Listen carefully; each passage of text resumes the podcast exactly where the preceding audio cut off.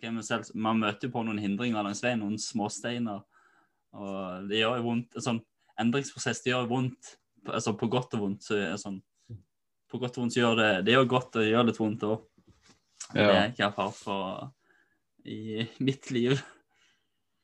Ja, Det er spesielt når du blir bevisst på det. At eh, Når du skal gjøre endringer og du vet at hvor tungt det er å gjøre endringene med, så vet du at du klarer å nå målet. Altså, det er egentlig starte med de små tinga da, og, Mm. og bygge litt uh, mestring, eh, eller selvtillit for det å gjøre å mestre noe. Så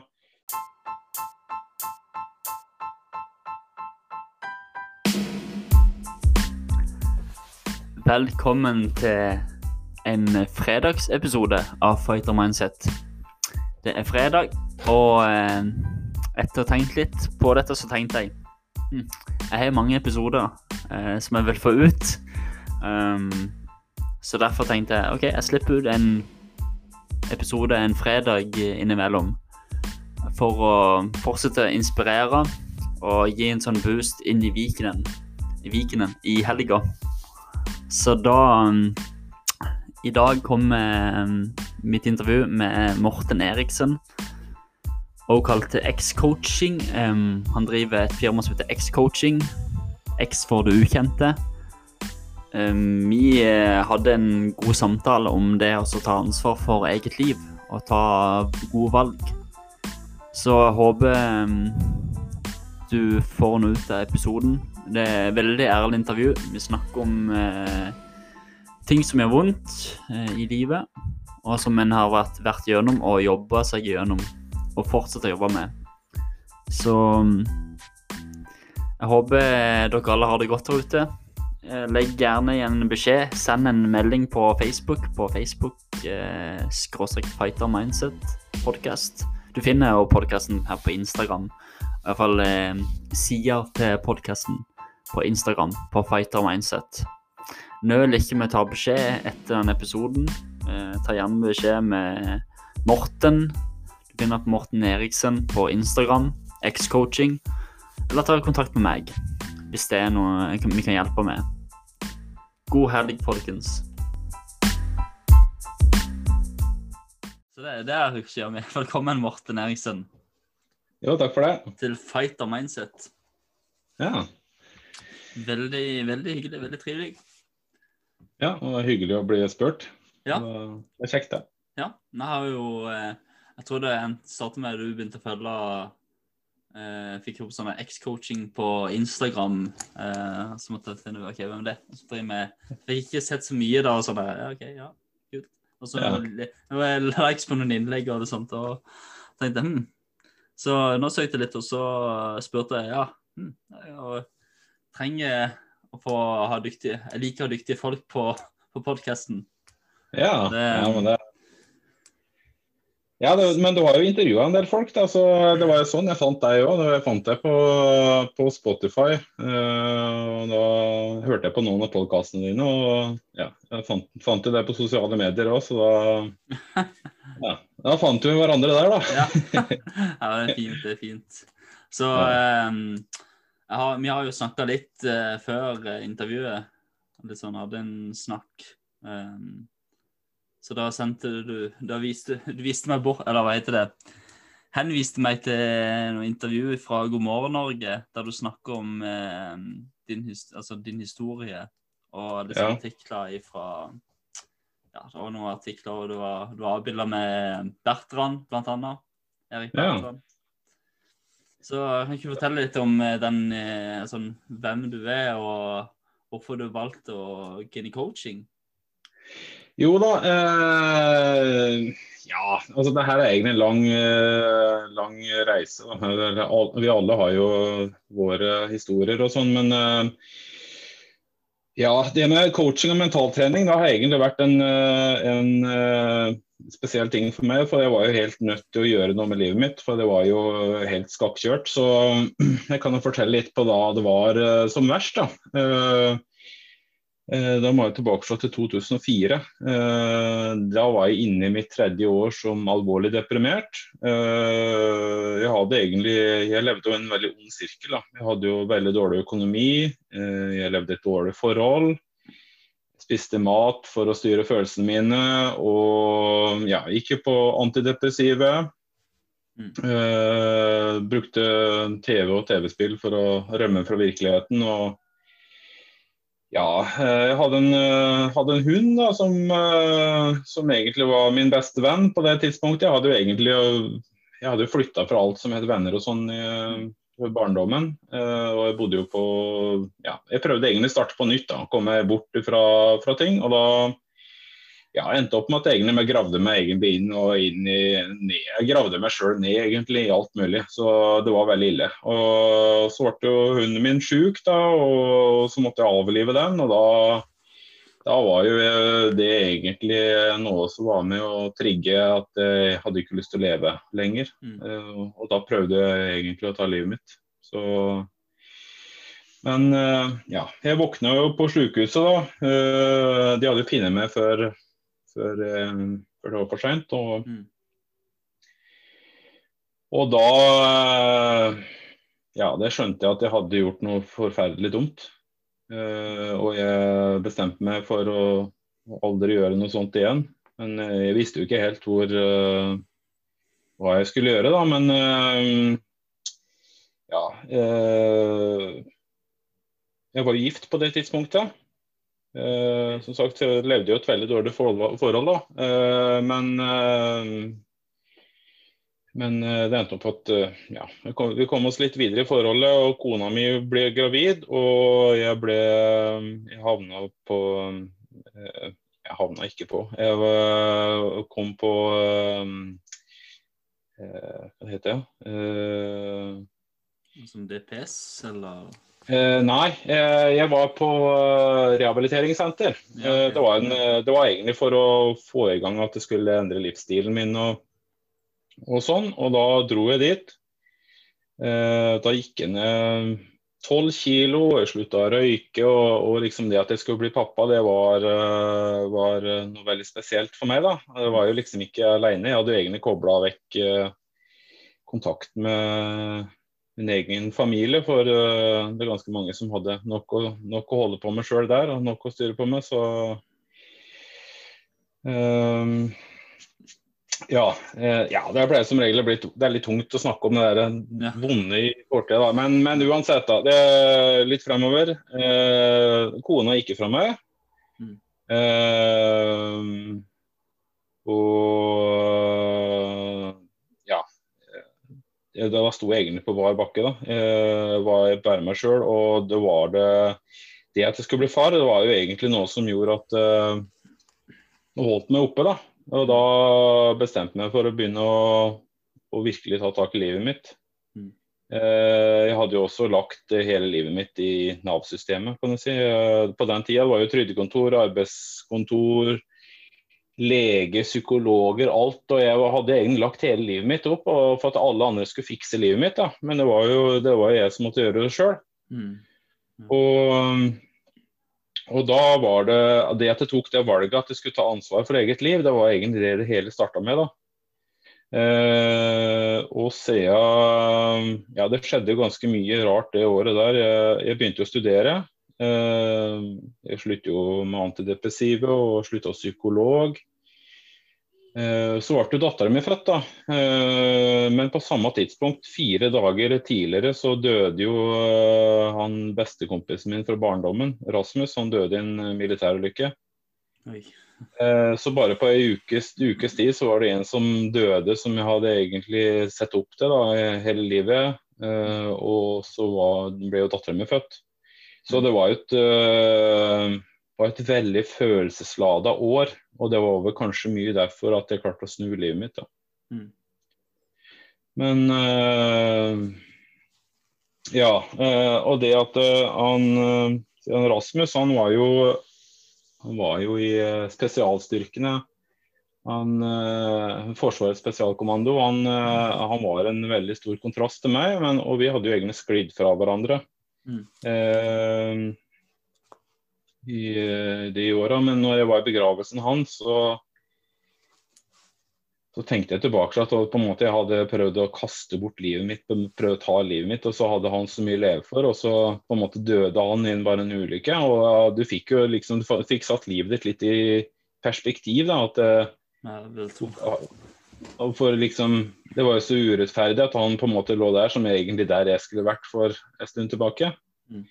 Eh, så, og Da bestemte jeg også for å bli mye mer modig og egentlig undersøkte mye rundt det med mentaltrening og hva de gjorde i, i Forsvaret, og hvorfor var de så dyktige, hvorfor var de så tøffe.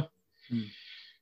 Eh, så da starta egentlig en reise på å legge og så snu totalt opp ned på livet mitt. Da. Og det, det er mye av det du valga du tar. Og, og, ja, det er egentlig et valg da, at du må mm. ta. Mm. Det er sånn som en, en uh, Det er sånn som en uh, tøff prosess på mange måter, ja. men det er viktig. Og det du sier det med når uh, dattera di blir født, og så mister du beste, altså bestekompisen din.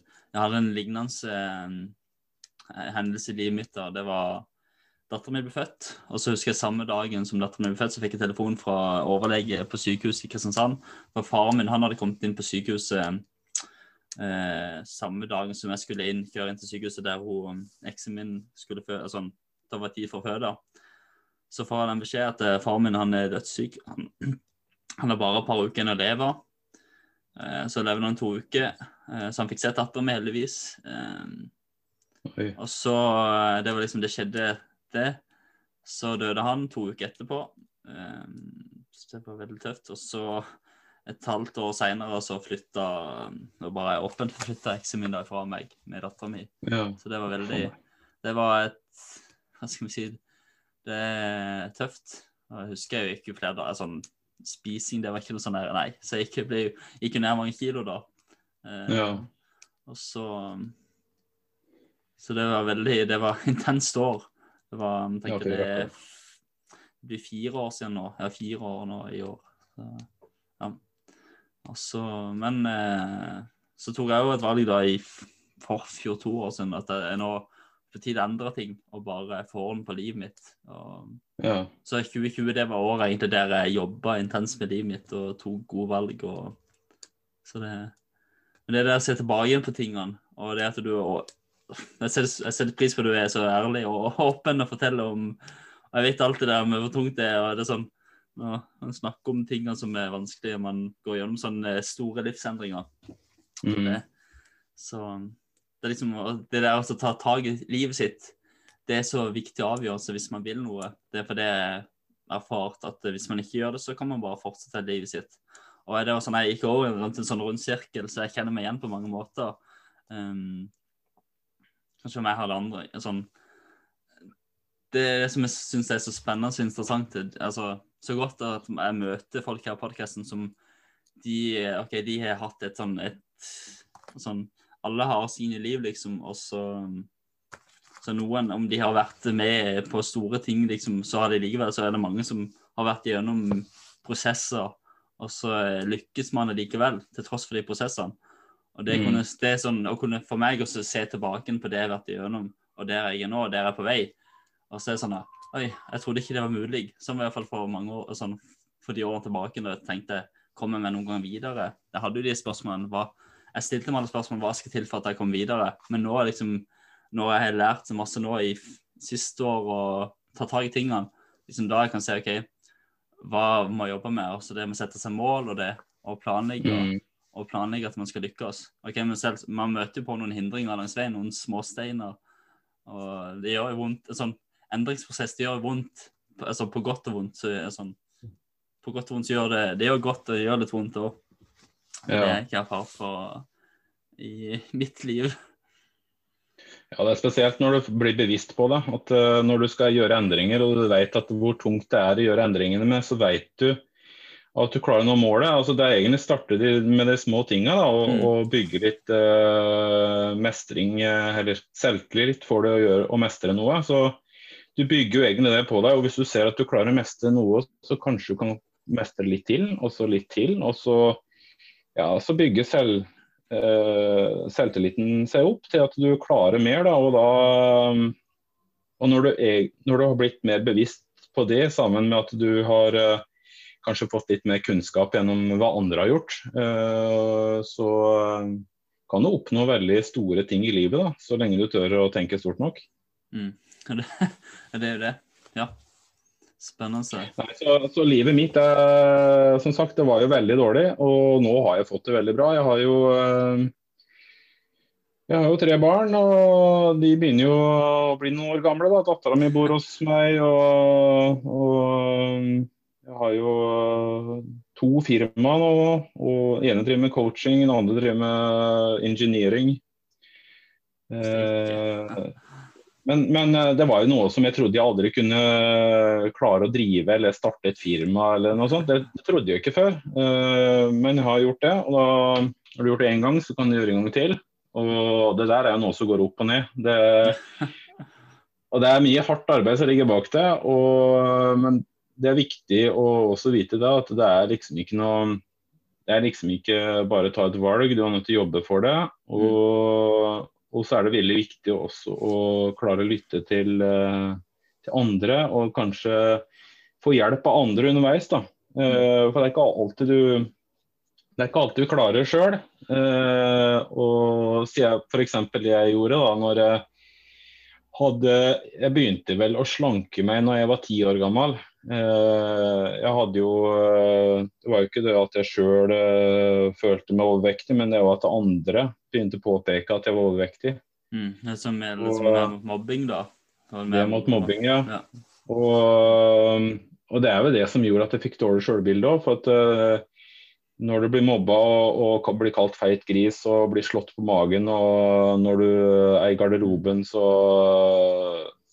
ja, altså Etter gym og sånn, så er du på en måte blir mobba, da, åssen du ser ut. Uh, Uh, og da, uh, når du holder på med slanking og på en måte du vokser opp et hjem der egentlig mora di har mer enn nok å ta vare på seg sjøl uh, til tider, da er det ikke så lett å få hjelp der heller, og bearbeide ting. Og da ja, blir det også noen sirkel. Altså, jeg holdt på med slanking frem til var jeg holdt på med over 20 år da, med jojo-slanking, helt til jeg innså det at når jeg hadde fått høyt blodtrykk og var ferdig med klasse 2 og hadde vondt rygg og ledd og jeg hadde jo blitt pappa igjen, jeg skulle bli pappa til tredje, tredje barnet mitt da, og jeg klarte ikke å følge helt med, så bestemte jeg meg for å søke om, eh, om overvektsoperasjon. Og, og jeg røyka jo og snusa, og det var veldig dårlig helse. Den psykiske helsa mi hadde forandret seg veldig, da, men det var liksom det som hang igjen, og det var den fysiske formen. Jeg klarte liksom ikke knekke det med å gå ned i vekt. Så mm. nå er det snart ti år siden. Eh, nå jogger jeg og ja, røyker jo ikke, og jeg har ikke blodtrykksmedisin. Og jeg, har den fysiske helsa mi og den psykiske helsa mi er jo veldig bra, da. Så jeg har fått et godt liv. Eh, men, eh, men, det er utrolig mye, mye hva egentlig bare noen kommentarer fra barndommen kan gjøre. Hvor, hvor vondt det er og hvor vondt, vondt, det kan være. Jeg kjenner godt til. Jeg kjenner sånn jeg kjente Det var sånn følelsesmessig kjente sånn reaksjon i forhold til snakk om det med gym. og sånn, Det er kanskje det stedet når man er gutt eller mann og man, man står i gym man blir ledd av for uh, utseende. hvordan man ser ut og alt sånt. Og det er liksom de små stikkene.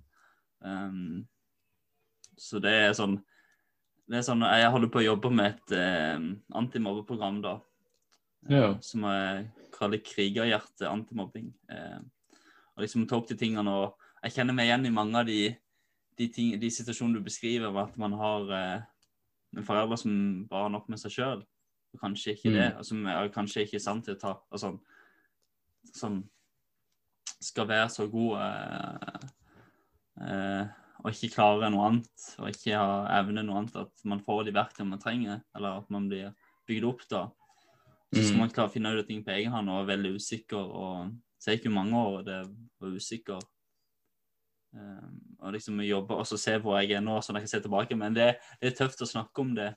Og det er mange ting sånn, som, jeg, som jeg har glemt da ifra da jeg ble mobba. Eh, det som var gøy. Noe jeg har jobba med gjennom det, eh, og tok noen valg at det, det var ingen vits å ta altså, Jeg tok ikke igjen med mobberne mine. Men, men, situasjonene og hendelsene i form av mobba, de sitter jo der ennå. Og det, de, de, ligger jo der i, i minnene.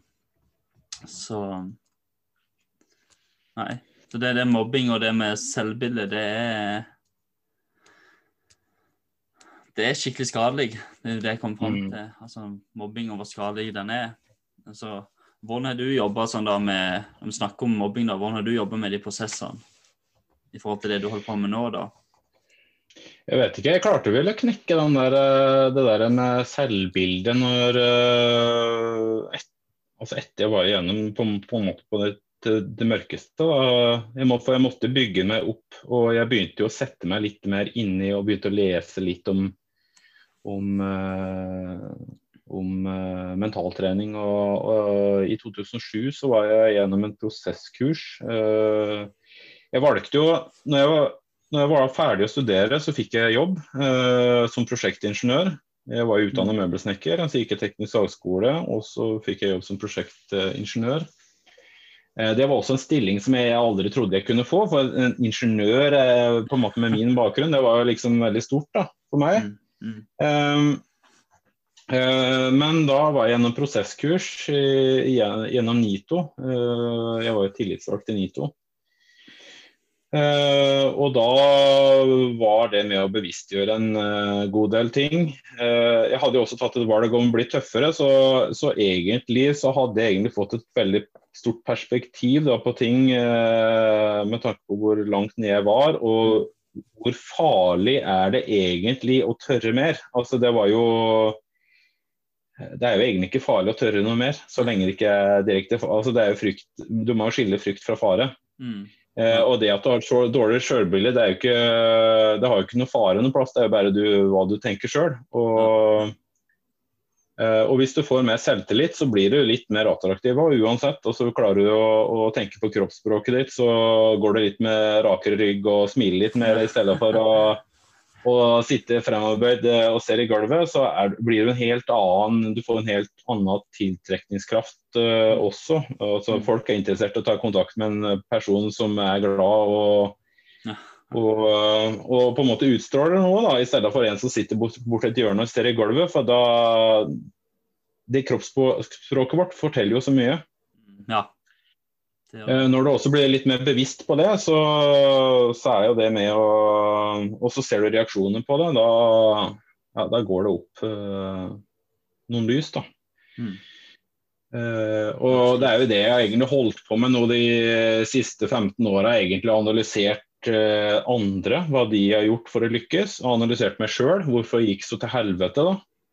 Eh, og den kunnskapen eh, vil jeg hjelpe andre. Vi ønsker å inspirere og motivere andre til å få det bedre, eller prestere bedre. For altså mitt, eh, min tro da, det er at jeg har eh, ett liv, og det er her, liksom det her nå jeg har sjansen.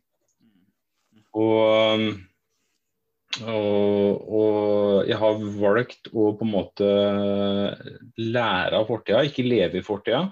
Mm. Uh, og frem til uh, jeg er ferdig på jorda, da, så skal jeg på en måte gjøre alt jeg kan for å lykkes og at andre skal få det bedre. Det er egentlig det jeg har uh, bestemt meg for. Og det er derfor jeg egentlig starta det firmaet med X-coaching. X-en er jo for det ukjente, og coaching er jo hvordan, ja, hvordan ting skal gjøres da, for at en kan få det bedre innenfor mange forskjellige områder. Så Det kan være business coaching og det kan være innenfor kjærlighet og økonomi og alt. Men, eh, men, i hovedsak det jeg ønsker å gjøre, da, siden så jeg har sertifisert meg som mentaltrener, det er egentlig å finne ut hva er det som skal til for at du skal få det bedre. Eh, mm. Og Det ønsker jeg å gjøre sammen med, med de som ønsker å få det bedre eller prestere bedre. Hva er det som skal til for å på en måte å få mer livsgnist, og hva er det som skal til for at du generelt skal få det bedre. Da. Eh, og Sammenhengen med det å prestere bedre og få det bedre, det, er, det henger veldig sammen. Mm. Ja. Når du presterer bedre, så får, på en måte er jo det, bygger jo det, gir jo det en følelse. Mm. Så, så, da kartlegger han egentlig hva som er innenfor den fysiske helse, bosituasjon, selvutvikling og fritid, rekreasjon, sosialt liv, arbeid, kjærlighet og økonomi. altså Innenfor der så kan du egentlig få en sånn skala på 1 til 10, og så kan du egentlig se hva du skal jobbe med innenfor der. Mm. Og da er det sånn, eh, Jobber du litt også som, som du sa, med at man tar de små stegene, sånn, som du sa, starter med små tingene da? Eller tenker du sånn at man skal jobbe med alt da? Nei, altså det er viktig å ta tak altså Hvis du sier at du skal uh, si at du skal virkelig ta tak i livet ditt, mm. og, og, så sier at det er ganske skakkjørt, at du er, kanskje du går på antidepressiva, du, kanskje du røyker, og, og, så, og, du skulle ha blitt mer aktiv, og du skulle ha gjort ditt og datt, og, mm. og så på en måte blir det motivert. altså du, Noen inspirerer deg, så blir det motivert, og så hopper du ut i noe. altså nå, nå, skal, nå så slutter du kanskje å spise. Sant? Du har ikke helt du har ikke helt peiling på egne hva du skal gjøre, så du, du vet kanskje du skal ha du skal mosjonere mer og spise mindre. Så slutter du å nesten å spise, og så mosjonerer du mer, og så slutter du å røyke samtidig. Så varer dette her i tre dager, så går du på en smell, tar deg en røyk. sant? Og det, dette her gikk ikke. Så nå må jeg vente til uh, neste år eller neste måned, eller det her kan ikke jeg. Mm. Så det er viktig å ta tak i én ting i gangen. Mm. Kanskje det aller viktigste du gjør, det er egentlig å begynne å bevege deg. Mm. Uh, for uh, si det, det, antidepressive og, og, medisinen som du får utskrevet, det er jo ting som er med å trigge hormonsystemet ditt. Mm. Mm. Og det kan vi jo sjøl eh, trigge med å være mer aktiv. Uh, og sette i gang få, få, den cocktailen som vi trenger i hjernen for å få funke ordentlig. få den kjemien her til å bli, bli ordentlig. Den kan vi kan vi jobbe med å få til sjøl. Mm. Mm.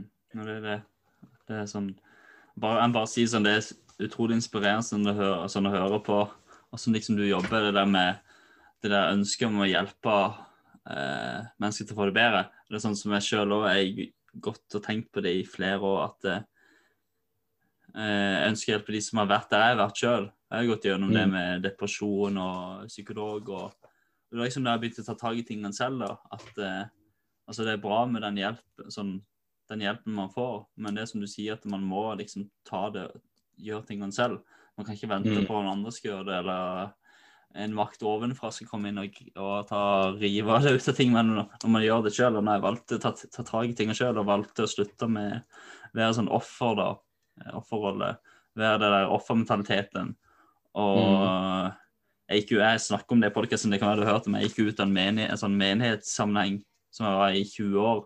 Liksom det, er, det, er mye bra, men det er mye dårlig menighet òg. Det med at man, man liksom Man går i en sånn Man går i bobler, da.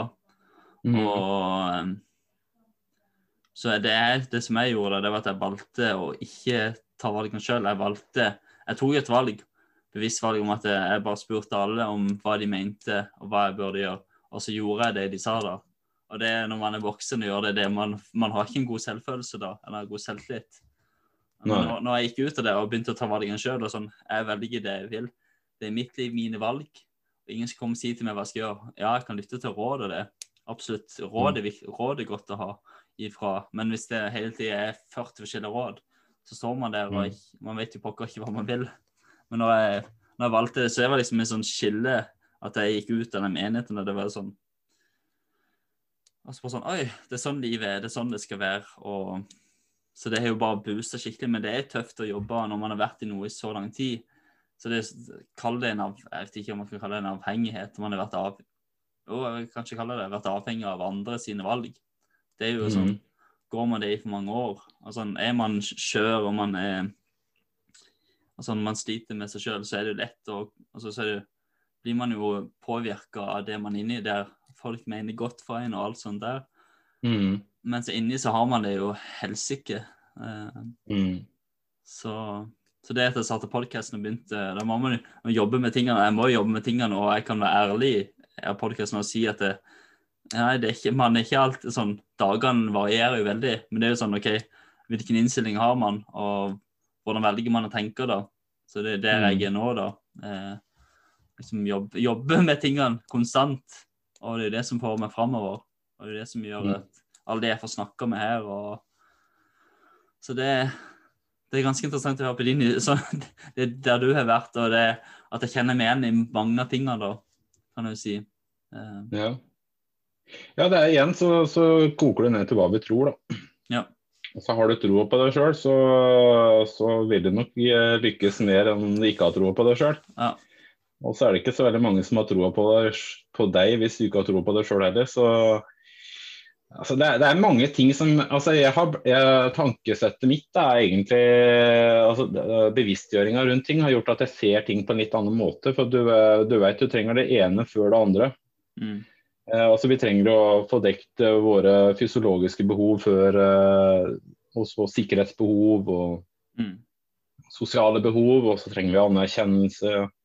Mm. Eh, og, så, og så når vi på en måte har de tingene på gang på stell, da, si at vi har, et, eh, vi har tak over huet, vi har eh, stell på økonomien, vi har eh, kanskje fått oss en kjæreste, vi får barn, og, og når vi kommer dit at vi på en måte har en trygghet og et godt fundament, Mm. det er da du kan drive med selvrealisering. Mm. Eh, når vi Si at vi mangler eh, Si at du har fått beskjed av Hvis du leier en bolig, da, si at, uh, si at eh, eh, de du leier hos skal selge, og du er nødt til å finne en ny plass. Mm. Da er det ikke så veldig fokusert med, med personlig utvikling lenger. Da er det bolig det går i. Mm.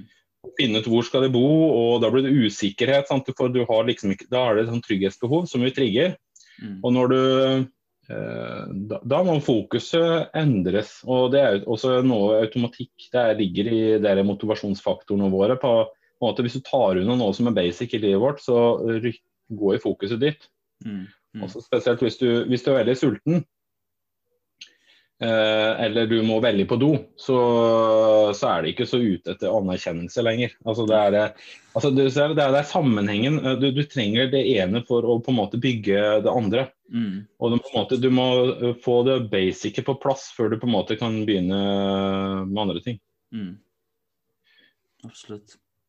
Så er vel kanskje det, det disse de som, de som kommer i alderen vår, da, at når du begynner å få ting på stell, da, så begynner du med sånn selvrealisering. Nå skal du være med på maraton og, og du sier at det kommer den 40-årskrisa. Så jeg vet ikke. Det er liksom da du på en måte ja, Da har du på en måte et godt fundament. Da, da kan du egentlig begynne med ting. Og så er du halvveis i livet, da, og hva skal jeg gjøre resten av livet mitt? Nå begynner det liksom å haste for å få til ting. og så ja, Det er jo kanskje derfor vi hovner litt eh, ut i sånn eh, 40-årskriser, som du kaller ja, ja. Det er noe med det. Altså, jeg ser jo altså, Det var noen som sa til meg liksom OK, jeg er 33, og så sa de Vet du hva, vet du hva det er bra. Altså, det er liksom Det er bra Det er en bra alder. Liksom, det er da man får ta tak i tingene. Så jeg liksom Mm. jobber og Jeg merker det i dager sånn Det der med fokus og hva man fokuserer på, og usikkerhet, og det er Altså der jeg er nå, så er det litt sånn OK, jobb. Jeg flytta ifra noe der ting liksom hadde leilighet og alt, og så flytta jeg nærmere med dattera mi, og så til ingenting. Og så hadde jeg hadde bare satt en mål, jeg hadde liksom skrevet en plan på hva jeg ville, når jeg skulle nå målet, og så traff jeg Mhm. vel målet da med to uker etterpå. Altså liksom det som ser det er OK. Og så var så, når jeg kom bort der OK, jeg hadde ingen plass å bo, så bare la en plan og så skrev jeg ned jeg skal ha en bolig, jeg skal finne jobb. Og liksom, så fikk fant en bolig, ingen depositum. så Det var lite, Ja. lite knøtt på 25 kvadratmeter. Fantastisk allikevel. Og så fikk jeg meg noe jobb med noe telefonsalg. Det varte ikke så lenge, da, for telefonsalg det er jo sånn eh, Fallhøyden er stor, det. Men OK, men jeg fikk jeg på det jobb. er ikke helt Ja. Uh, ja, og så, og så plutselig sånn der så, jeg, så var det en periode der jeg ikke hadde noe å gjøre, da. Men jeg, jeg hadde noe å gjøre litt sånn innimellom, men det, de ga ikke noe, de ga ikke noe um, inntekt. og litt sånn. Så jeg er jo der i denne fasen, og så begynte jeg igjen, og så fikk jeg meg en ny jobb rett før jul. Og så må jeg holde på der, og der går jeg jo hele tiden med den usikkerheten. OK, når skal jeg jobbe igjen? Får jeg jobb? Og så er det der det, det er ikke optimalt, men det er bedre enn Altså, jeg får dekka de behovene, iallfall. OK? Mm. Jeg klarer, klarer meg økonomisk. Og det viktigste er for å se dattera mi, da. Og liksom, det er det som har vært målet. Det ultima- altså, å få mer tid med henne da, og bli en større del av livet hennes. Eh, Mm. så liksom det jeg jobber mot. Ok, Så er kanskje veien til det målet Det er kanskje ikke kanskje ikke valget, sånn valget man tok for å komme dit, om det var det beste, men OK. Men ja vel. Man, kom, man kommer jo dit. Man kommer jo dit. Og så kan jeg bli bedre, så liksom det der med å, å å justere på ting, altså endre på ting eh, jeg hør, Hva var det jeg hørte det? Det var en podkast de snakket om i forhold til sånn kanoner. Når man, skal, når man skyter på et sted, så stiller man inn sånn OK, man treffer ikke målet, men okay, så må man justere litt på noen grader og litt sånt. Mm. Um, så det, jeg, jeg er jo liksom den fasen nå der uh, OK, jeg, så nå er liksom OK, hvor jeg skal, hva er det jeg holder på med, og hvor vil jeg nå? Og det Det er spennende. Det, det er tøft til tider. Det er jo det, når man skal gjøre endringer, og når man jobber mot et mål. Og man, for eksempel det med at jeg startet et antimobbeprogram. Det er, det er mye som skal på plass, og det er mange ting. og liksom, Det er lett å miste fokuset på det er så mange andre ting. Så skal man liksom OK, fader, jeg må ha jobb. Eh, og litt sånn Man jobber her og der. Men jeg tenker sånn, så lenge man har fokus sånn, man har fokus og vet hva man vil, så tar man jo valgene deretter. jo. Eller så kan man velge å, Ja. vel- velge å la være. Det er mange som velger å la være og ikke gjøre noe. De sier en ting, de skal gjøre noe, men så gjør de ingenting med det. Men jeg er mer der. Jeg får hørt til Savik en kamerat at altså, du, jeg blir inspirert av deg, fordi du sier du skal starte en podkast, du gjør det. Du sier du skal det, du gjør det, og jeg gjør det. Det er liksom det, det, er liksom det jeg har lært ifra altså, at sånn der jeg har vært før, og så hvor jeg er nå, at nå gjør jeg, nå gjør jeg det jeg sier jeg skal gjøre. Så, Ja, det, det er litt sånn som jeg har holdt på med. For at eh, jeg skrev eh, det i den siste boka jeg ga ut. Eh, Jeg skrev en bok 'Hashtag endre livsstil den du må bli'. Mm, Jeg ut, har gitt ut to bøker, da. Men jeg selger dette her nå Det går ikke gjennom bokhandlere, men jeg selger dette gjennom kurs og foredrag og, og, og direkte. mm, Det som er det som jeg også skrev på slutten der, det var at eh, hva jeg egentlig mangla. Jeg, har, eh, jeg starta X-coaching. eh, Jeg hadde domenene, men jeg hadde liksom, liksom ikke starta opp, opp noe firma. Og jeg var jo ikke mange, hadde, Jeg har jo kjøpt mentaltrenerkurs og holdt på med dette i mange år, men jeg har aldri sertifisert meg. Så nå er jeg liksom, jeg starta firma, X-coaching AS, og, og, og på en måte fikk, jeg- fikk jeg tak i domenet.com. Eh, Så, så har jo potensialet for, eh, for utland er også der. Eh, mm, Men så, men så Det at jeg sertifiserte meg som mentaltrener, nå, gjorde at jeg også fikk en, på en måte en Ja, du har på en måte et, papir på at du, du kan nå det du Men jeg tror livserfaringa mi er, har, det er den største verdien. Altså, du kan, det er veldig mange mange der ute som uh, kan kalle seg coacher og mentaltrenere og sånn. Uh, og mye er basert på hva de har lest. mm, Uh, så, så det er mange som, kan, kan, måte, som misforstår det litt. De, på en måte, de må nødt til å referere til hva andre har gjort, og ikke har egen livserfaring. Så det vil si at det kanskje, kanskje kan være en fordel, fordel for meg, for jeg har en forståelse på Jeg kan sette meg inn i mange sin livssituasjon hvis de virkelig ønsker å forandre livet sitt. Så har jeg, har jeg litt i bagasjen der. Mm. Eh, og igjen så er det Det er veldig mange gode coacher og mentaltrenere der ute. Men det er mange som er uh, oppskrytt òg, som refererer bare og har eh, referansepunktene i, i andre og ikke noe forankring i seg sjøl, eller forankra i en følelse. mm. Eh, så da kan de ikke sette godt nok perspektiv på ting. da. Nei. Eh, men, men igjen, hvorfor vi gjør det vi gjør, er jo, eh, har jo mye med verdiene våre. Eh, Sånn som, sånn som du sa nå, at du flytta nærmere dattera di. Så jeg tror dattera di og den familien har en veldig stor verdi i livet ditt. Absolutt. Absolutt. Eh, og det er samme med meg òg. Det eh, desto mer du setter deg inn i dette her og blir bevisst på deg sjøl, desto mer skjønner du hvorfor du gjør det du gjør òg. Og, da kan du også bli, vist, bli mer bevisst på hvorfor andre gjør det de gjør. Mm, mm, Eh, og For noen år tilbake da, så reiste jeg veldig mye internasjonalt. og da altså Jeg var jo i Sør-Korea og India og i USA og eh, Kina. Eh, og det du egentlig ser, da, at vi er jo det samme. Altså, vi har jo forskjellig religion, og vi har forskjellig hudfarge og vi har forskjellig oppvekst. Og, men alle de basic behova er det samme. Mm. Og det med kroppsspråk er også veldig, veldig likt. mm, Eh, Så du kan lese folk eh, eh, uansett hvor du er i verden. Altså når jeg var f.eks. i Kina, det var litt interessant. for Eh, hun ene, når jeg satt i møte der, så var det mange kinesere. Jeg kan jo ikke kinesisk, eh, for å si det sånn. Uh, men hun var brennsikker på at jeg kunne kinesisk. Ja. Eh, for jeg, jeg, skjønte jo en del hva, hva det gikk i. Uh, noe var jo, men da var det kroppsspråk, da. Så det er veldig interessant da, når det, når det, på en måte For det første, du lærer litt teori rundt det, men å sette ting ut i praksis og faktisk prøve på de tingene du leser det er, det er altså ingen, altså Uansett hvor mye informasjon du har eh, om ting og hvor mye du har lest, så lenge du ikke bruker det til noe, så det jo, har det jo ingen verdi. Mm. Ja, det er det. Det er liksom det. Så sånn eller som du sa, i forhold til de, det er mange gode coacher og dårlige coacher ute. De som ikke har levd tingene sjøl. Eh, og liksom, jeg tenker det er det som er unikt med det vi gjør. Altså Med den erfaringa vi har, den bagasjen vi har, og liksom kan gjøre noe positivt med det. Jeg, tenker, jeg tror jo at det er mange som De har vært igjennom ting, men de Og så er de redde for å, for å vet, vise at man er sånn eh, være transparent, da.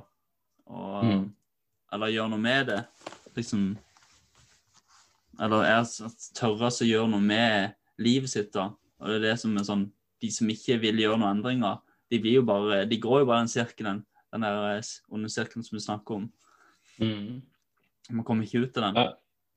Ja, for det, det, var, det, var, også noe som jeg hadde nødt til å jobbe veldig mye med. Det var egentlig, For jeg hadde jo en uh, veldig en sånn si at du har vært deprimert og du har eh, prøvd å ta livet ditt og sånn. Det er veldig tabu, da. Og, og det var, også jeg var jo veldig redd på hvem er det som vet dette her. Uh, mm. Og hva er det de, de, tenker om det? Og altså, jeg hadde et, hadde et, kjempeproblem egentlig med det å ikke tørre å Altså, jeg, føl, jeg skjemtes da veldig. Mm. Så, så, bestemte jeg meg for å, å kjøre et sånt helvetesår i 2014. Mm. Og, og det, jeg startet, det jeg starta med, det var egentlig å skrive skrive uh, ned egentlig hva jeg egentlig var redd for. Uh, altså det med altså, For jeg ville jobbe med det, og en av de tingene som jeg var redd for, var egentlig andre trodde, tenkte om meg. da, mm. og, og, hva de visste og hva de ikke visste. og sånn, så, så, jeg bestemte meg for å utlevere meg veldig. Da kontakta jeg VG og lokalavisa her i, eh, her i Førde. Eh, for å få utlevere meg sjøl eh, og fortelle at jeg skulle gjøre et eh, helvetesår. For da la jeg også veldig press på meg sjøl. Og i den sammenheng da, så, så kontakta jeg også VG han Erik Bertrand Larsen. Ja. Eh, og da traff jeg han og sammen med VG på Bertrand sitt kontor i Oslo. Mm. Så hadde vi et intervju der. og og Det var veldig interessant uh, det, og kanskje det meste jeg lærte om da, det var egentlig den frykten som jeg satt, satt på. Mm. Uh, før, før, jeg dro på det intervjuet, jeg satt jo på flyet nedover og, og jeg var jo veldig usikker på, på dette her. Og, og altså, Du fikk jo nesten ikke sove. sant? og så kjørte jeg et helvetesår i tillegg, da. men eh, og det var at jeg skulle trene hver dag og spise fornuftig og, og være flinkere til å lage nye vaner og sånn. Eh, eh, for ja, igjen altså var det 'Helvetesåret' inspirert av boka til Erik Bertrand Larsen 'Helvetesuka'. Mm. Eh, men av egen erfaring så visste jeg at det å lage vaner, det tar tid. og et helvetes, helvetesuke det skaper nye referansepunkt, og du vil jo på en måte gjøre så da tok jeg en litt annen variant da, og laga et helvetesår. og Da utfordret jeg meg sjøl et år på det jeg var veldig svak på, for å, for å bli sterkere mm. mentalt, og, og, for å lage nye vaner. Da, ble, da, fikk jeg sponsorer, eh, lokale sponsorer, og det, arbeidsgiveren var inne som sponsor. og ja, det, ja, det, det, skapte en del reaksjoner, både positivt og negativt. Eh, men jeg gjorde det i år, og jeg angrer ikke på det året. Der. Det har egentlig satt, eh, laga en ny versjon av meg. da. Mm. Eh, som gjør at det, det koster ikke meg mye å stå opp klokka fem om morgenen lenger. Det er liksom og Det var også det året jeg starta min første bedrift. For det var jo noe som jeg tenkte nå etter jeg er ferdig med helvetesåret, da skal jeg eh, starte bedrift for det, det neste. Men siden jeg gjorde et helvetesår, da, eh, så hvorfor ikke? For det var jo kjempeukomfortabelt, og jeg hadde jo ikke kunnskaper som skulle til for skulle starte bedrift. Så da måtte jeg gjøre det, da. Så Nei, det var, det var veldig spennende. Jeg lærte veldig mye av det. Inspirerende. Det er litt, ja. Liksom å høre på de prosessene du er inne i, liksom å tørre sånn Jeg har sjøl gått med tanken at jeg klarer å få til det, men så etter jeg satte podkasten, så er sånn der Ingenting er mulig. Det er sånn, ja, det er sånn der Snakka med en som har vært gisselforhandler i 30 år, ingen problem. Eh, jeg var, liv, jeg var jo redd. Eller litt sånn redd. Sånn. Han kan ikke lese meg, og han er vant til dette. Så hørte jeg fra en kamerat av en trener meg som sa han likte det intervjuet fordi han han ikke så han, Derek Gaunt han har skrevet bok som heter Ego Failure Authority, eller Ego Authority Failure. Um, han sa det brukte de teknikkene på meg da, når, under intervjuet. Jeg la ikke merke til det. Men så det var så jeg er liksom ikke redd for ting. og liksom, Jeg har aldri vært redd for å Det har vært en ting. Jeg har aldri vært redd for å ta kontakt med om det var Norges beste gitarist eller noen av Norges beste gitarister eller store gitarister fra USA og hatt gitarteam med de og Aldri vært redd for det.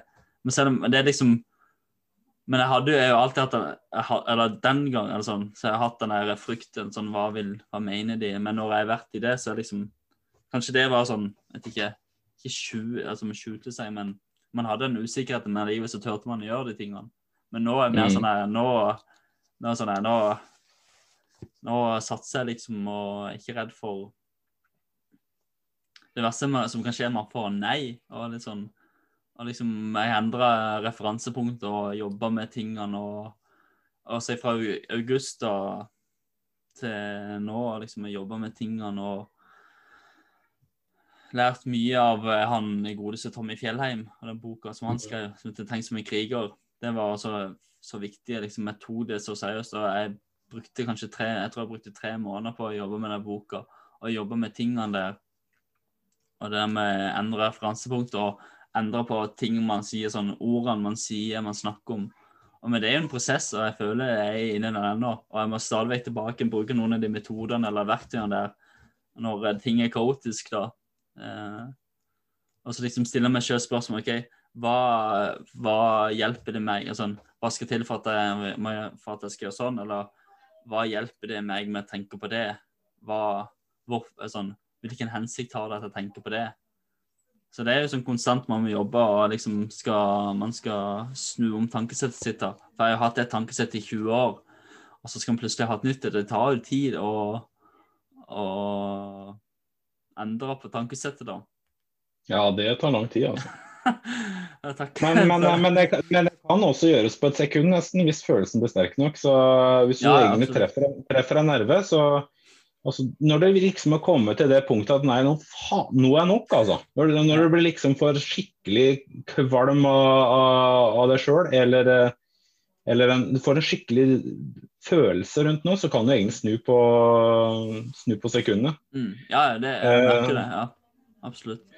Så da har du liksom fått nok, og, da, og når det, det, kan være, det kan være veldig effektivt da, Mm. å, å klare å treffe ei sånn nerve. Ja. Og da må du egentlig litt inn i verdier og sånn. Ja, ja, absolutt. Og sånn er, og liksom, det tenker jeg flere kan ha nytte av. og det er sånn At det er vikt, essensielt da for en å liksom sette ned verdiene sine. Og det gjorde jeg. og liksom jeg skal sitte og skrive verdier, sånn mer enn fem verdier. Og det er sånn, oi, ok, Tre er det lett, fem. ok, Så begynner man å bikke seks, sju, åtte. Ehm, og det, det, det er sånn, det tenkte jeg sånn at det var jeg- det må jeg sette meg ned med igjen. Og jeg tenker det er viktig at man tar sånn, en sånn, hva heter det, en revisjon, da.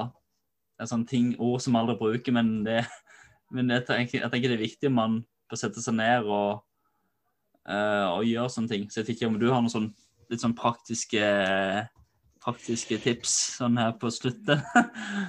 Nei, altså, den kan, det kan jo egentlig sette opp uh, Si egentlig alt du setter pris på i livet, da, og alt som egentlig betyr noe for deg. og så skrive, Begynne å skrive opp litt. Du kan også skrive så mange du kan. sant? Men så begynner du egentlig også å, å ta vekk en del etter hvert. Mm. Hva er det du egentlig kan kvitte deg med? For vi, kan, vi fyller jo livene våre med mye rart, og vi ønsker jo veldig mye. Ja. og, og, og så blir det egentlig for mye, da. Så må du begynne å kvitte deg med litt ting. Um, men å, å, faktisk, fakt, å faktisk bli bevisst på det som er viktig for deg, Mm. det er, uh, det er viktig. Uh, for uh, for da, da, får du litt mer ut av, ja, ut av livet ditt. Du føler deg litt bedre. og sånn. Det er mange som jakter eh, på ting, uh, f.eks. suksess. Hva er det for noe? Mm. Det, er jo, det, er jo, Mange tror at suksess er egentlig store biler og digert hus. og, og Det er noen som har det sånn, men, og veldig mange, jakter suksess ut av materielle ting. Men uh, det er jo egentlig personlig. Hva er det du føler, uh, det du føler rundt uh, de tinga? Mm. Og det baserer seg også veldig mye på kulturer, da, på hva alle andre rundt oss gjør. Mm. Uh, altså no Noen ganger så, ja, så, følger vi bare hva alle andre gjør, da, og så uh, egentlig det du ville, hva som egentlig har betydning for deg i livet. Har du egentlig ofra, eller du har, du har ikke fått til det du egentlig ville med livet ditt, hva som egentlig betydde noe for deg. Så uh, bevisstgjøring igjen, det er, uh, det er, egentlig det mentaltrening går ut på. Og at du klarer å strekke egne grenser og, og bli bevisst mer på deg sjøl og, og, hva du egentlig kan få til. Mm. Nydelig. Nydelig. Ja, men det Ja. Det her var Det her var inspirerende. Så Absolutt. absolutt. Så eh, hvis det sånn eh, slutten, hvis folk vil eh, Hvor er det folk kan få tak i deg og finne ut av jeg er, på, jeg, er på, jeg er på sosiale medier, da. Du kan kontakte meg gjennom xcoaching.com. Send en e-post til morten.xcoaching.com. Da er det direkte på e-post, og du kan kontakte meg på Eh, på sosiale medier. Morten Eriksen. Det er vel 110 stykker Morten Eriksen i landet, men uh, hvis du skriver med Morten Eriksen mentaltrening eller uh, uh, noe sånt, så, så, duker jeg opp. ja. Jeg skal legge link. Så Morten, var det at xcoaching.com, ja. ja. Så kan du gå inn på, gå inn på xcoaching.com og se litt der òg. Det, det, det, er en start. Vi kommer til å, jeg kommer til å tilby en god del andre ting også fremover. Så vi, det må starte med nå, så ser vi hvor vi bærer hen. Mm. Ja, men det er spennende. Jeg skal ta og legge, legge opp link til det, i alle fall. Og dele og, og hjelpe med det. Så ja. Det setter pris på. Så eh, vil jeg gjerne ha det tilbake igjen på, eh, på intervjuet. Det, ja, nei, det, det gjør jeg gjerne. Det var utrolig hyggelig å bli eh, spurt, som sagt. Så. Hvis, hvis, jeg kan inspirere eller motivere noen, så, så, har vi begge gjort jobben vår. ja, det er liksom det. Det er sånn Jeg har tenkt sånn, ok, jeg kan inspirere én, og så lærte jeg vel sånn, hørte jeg boka av Frank Cardone, at man må heller tenke alle. ok, så da tenker alle at det må nå ut til alle. Men det, sånn, ja. men det, begynner jo med én person, det gjør det. Liksom det. Ja, altså, hvis, eh, altså det, som, det som også som jeg har lært, da, du, du vil si at du finner en bok da, eller en lydbok, og så er det noen som har tipsa deg om den boka. og Den boka kan, gir oss kanskje noen forskjellige verdier. Kanskje den ikke ga deg noen ting, men kanskje du finner en setning i den boka som gjør at uh, du kan hjelpe noen, eller du kan mm. hjelpe deg sjøl med det, så, så er, det med, er, det nok det å, å F.eks. i den boka.